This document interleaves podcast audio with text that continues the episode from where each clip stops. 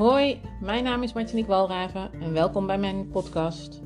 Met enige regelmaat neem ik een podcast op over thema's die met een gezonde leefstijl, emotie eten en zelfliefde te maken hebben. Ik geloof erin dat als je bewust aan jezelf werkt, door gezonde voeding, voldoende beweging, ontspanning, genoeg slaap, maar zeker ook aandacht voor jouw gedachten en zelfbeeld, dat je uiteindelijk het lichaam creëert dat bij jou past. Ik gun jou dat je weer van jezelf gaat houden. Wens je veel luisterplezier met weer deze aflevering van mijn podcast. Vandaag wil ik graag het volgende met jullie delen. Het, is wel interessant, denk ik. Um, vorige week had ik een aantal dagen dat ik te veel aan het snoepen was. Ik hanteer normaal gesproken een gezond uh, eetpatroon. Ik werk zelf met de uitgangspunten van het voedingscentrum. Dus uh, goedje groente, fruit, gewoon brood en aardappelen eten. Voldoende goede vetten. En daarnaast ook met mate wat keuzes buiten de schijf van 5. Maar dat liep niet. Ik maakte veel meer eetkeuzes die ik eigenlijk niet wilde. Nou ben ik die tijd uh, dat ik uh, boos op mezelf uh, werd of kritisch op mezelf werd, die ben ik gelukkig al lang voorbij. Dat deed ik vroeger. Dan had ik een eetbui, wat eigenlijk al vervelend genoeg is. En dan ging ik daarna ook nog eens heel kritisch zijn op mezelf. Dus van die gedachten als het lukt je ook nooit, heb je nu alweer zitten snaaien. Maar die kritische stem die was daarna opnieuw aanleiding om verder te gaan eten, want ik voelde me daar dan nog ongelukkiger door. Nou, dat doe ik gelukkig niet meer. Dat is echt iets van toen.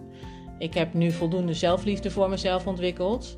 En nu zeg ik, uh, als zoiets gebeurt, zeg ik vervelend. Wat fijn. Of wat, wat, eh, wat, uh, juist niet wat fijn, maar wat niet fijn voor je. Ehm, wat zou je willen? Wat heb je nodig? En een enkele keer is wat ik nodig heb dan toch nog de behoefte aan eten. Um, want als ik snaaitrek heb en de behoefte om eraan toe te geven is heel sterk, dan geef ik mezelf toestemming om dat te doen. Zo op die manier hoef ik ook niet meer boos op mezelf te zijn. En ik weet dan, soms lukt het gewoon even niet anders. Het is zo'n oude en sterke manier van omgaan met moeilijkheden. Die dient zich nou eenmaal heel makkelijk aan als gewoonte. Ik weet niet, herken je dat misschien bij jezelf? En ik vind het dan wel fijn om de volgende dag weer in een goede flow te kunnen uh, uh, stappen. En als dat niet lukt, dan weet ik dat er echt iets speelt waar ik aandacht aan moet geven. Nou, nu had ik zo drie van die dagen op een rij. Ik had ook geen zin om het te doorbreken. Het was een soort van moeheid, uh, het gevoel van altijd op standje gezond staan. Terwijl me dat normaliter heel weinig moeite kost, omdat ik het tegenwoordig wil en omdat ik me daar ook gewoon heel erg fijn bij voel. Ik zat dus eigenlijk volledig in mijn automatische patroon van vroeger. Klanten adviseer ik om bij honger of trek te onderzoeken of het honger is. En bij honger hè, heb je zin in een boterham. En bij trek, dat is, dat is echt de zin in wat lekkers. Bij honger eet je. En bij trek of snijbehoefte, dan is het interessant om te onderzoeken wat er aan de hand is. Mocht je daar overigens meer willen weten, dat zijn zaken die in, in mijn coachtrajecten en ook in mijn online pakket uh, aan bod komen. En ik zal er binnenkort ook nog een andere podcast over opnemen, maar dat even terzijde. Maar goed, dat hielp me nu niet. Ik kon niet voelen wat er aan de hand was. Ik voelde me eigenlijk gewoon blij. Ik voelde me oké, dacht ik. Dus ik ben er uiteindelijk even boven gaan hangen. Ik heb even op de situatie uitgezoomd. Wat is er aan de hand? Wanneer is die trekker? Wat zijn dat voor momenten? Ofwel, wat is de trigger? Of wat zijn de triggers? In die dagen ging het overdag prima. Tijdens het werken was er niks aan de hand. Nou, dat zul je vast ook wel herkennen. Maar ik kwam dan beneden, als ik niet van de klant afkwam. En uh, daar uh, startte de trigger. En dat hoor ik overigens ook vaak bij klanten hoor. Het eind van de middag en de avond, dat zijn voor heel veel mensen lastige momenten. Hè, saai, weer een avond niksen of tv kijken op de bank. Oh, heavy met z'n allen thuis weer. De momenten dat iedereen in deze coronaperiode uit huis is, vind ik heerlijk. Heerlijk om even het huis voor mezelf alleen te hebben. En dan realiseer ik mezelf ineens, ik ben de laatste tijd ook wat meer moe.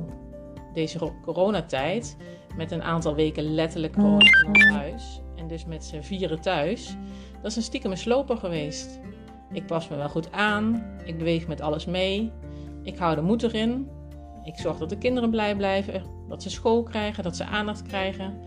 Ik kook het eten en na een werkdag ben ik ook nog beschikbaar voor iedereen in het gezin. En ondertussen is mijn behoefte aan eten groot, aan snaaien wel te verstaan. Ken je dit? En wat ik dan voel als ik eet. Ah, eindelijk een moment voor mezelf. Ah, mijn plezier van de dag. Even tot rust komen. Even mijn moment van ruimte. Dit had ik vroeger zo vaak. Ik was dus nu weer even in mijn oude valkuil gestapt. Oh, goed dat je het ziet, Martinique, want dan kan je er ook weer wat mee. Hoor je overigens het verschil? Want je kan dit ook aangrijpen om te zeggen: val je nu weer in je oude valkuil? Heb je dit nou nog niet geleerd? Je zou toch beter moeten weten. Nou, ik weet niet wat jou meer inspireert, maar als die stem voorbij komt, dan zeg ik tegenwoordig: bedankt voor je bezorgdheid, maar het lukt me wel. Heb maar vertrouwen dat ik het kan. Nou, deze stem speelde hier gelukkig niet, maar dus wel het probleem dat ik eetkeuzes maakte een paar dagen waar ik niet blij mee was. Nu is mijn credo: waar voed jij jezelf mee? Oftewel, waar anders dan eten voed jij jezelf mee op een dag? Eh, dat is heel mooi om erbij te pakken, dus dat doe ik ook met regelmaat. En dan heb ik dus ook bij de dagen gedaan die, waar ik het net over had. Um, gekeken naar hoe het zat met mijn voeding. Dus niet alleen met letterlijk de voeding, hè, niet alleen met het eten, maar ook het bewegen, fijne gedachten, ontspanning, slaap. En welke leuke dingen doe ik? En op dat moment was dat ook niet zoveel waar ik mij mee voedde. Ik moest thuis blijven in verband met een hoest. Mijn sporter lag uh, op zijn rad. ik zag geen vriendinnen. En thuis, thuis lag alle vragende aandacht bij mij. Mama past zich wel aan.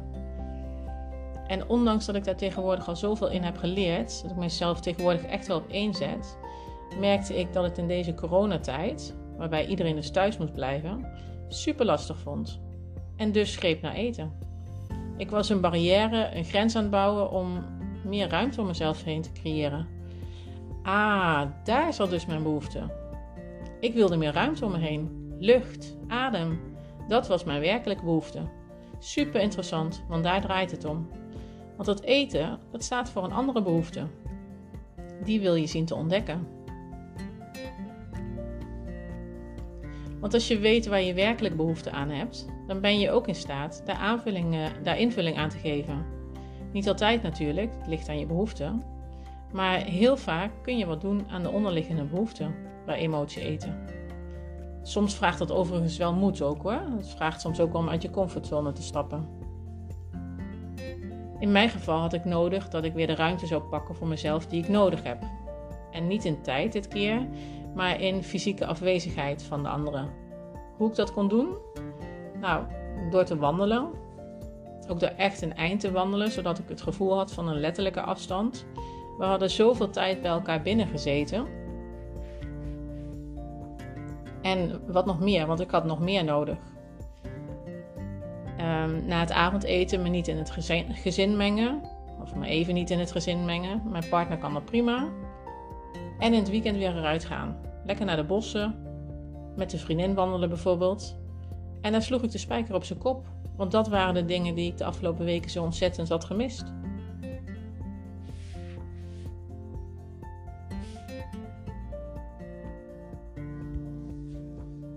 En kan ik dat zien, dan kan ik ook het eten weer laten.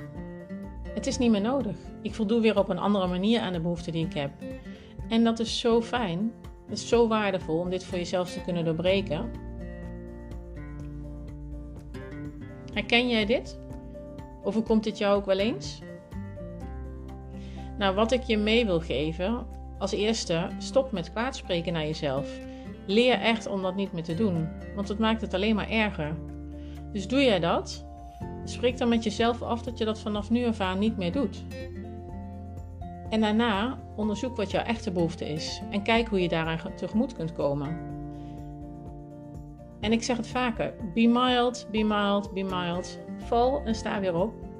Leren van en ga weer verder. Jezelf kritisch beoordelen, daar heeft niemand wat aan. En jij al helemaal niet. Je bent mooi wie je bent en je doet het supergoed. Hey, ik ben benieuwd naar jouw ontdekkingen. Wat schuilt er bij jou onder jouw eetbuien? Waar heb jij echt behoefte aan als je eet? Ik ga ook nu een challenge eh, aan die hier uh, verder op ingaat. Ben je daar nou benieuwd naar? Uh, hou dan mijn Instagram of Facebook in de gaten. Of luister naar een van mijn volgende podcasts. Daar zal ik ook verder op ingaan. Um, wil je nou ondersteuning naar aanleiding van deze podcast? Ik bied 1 op 1 coaching op het gebied van een gezonde leefstijl en emotie eten. En op mijn website www.martiniquewalraven.nl kun je terecht voor meer informatie. Je mag me natuurlijk ook altijd een bericht sturen. Ik wil je bedanken voor het luisteren. Um, leuk dat je weer, of uh, als dit voor de eerste keer is, leuk dat je hebt geluisterd. Vond je dit nou een uh, waardevolle podcast? Dan is voor mij echt een bedankje als je een screenshot van de podcast met jouw duim, mening of compliment deelt via social media. Of misschien wel met een vriend, vriendin collega voor wie je denkt dat deze podcast waardevol. Dat is voor mij echt een compliment. Op die manier kan ik ook mijn kennis verder delen. En daarnaast vind ik het altijd leuk om te horen wat je aan een aflevering hebt gehad. En is er nou een onderwerp waar je graag wat meer over zou willen horen? Laat me dat ook weten. Misschien kan ik er een volgende aflevering aan wijden. Tot de volgende keer.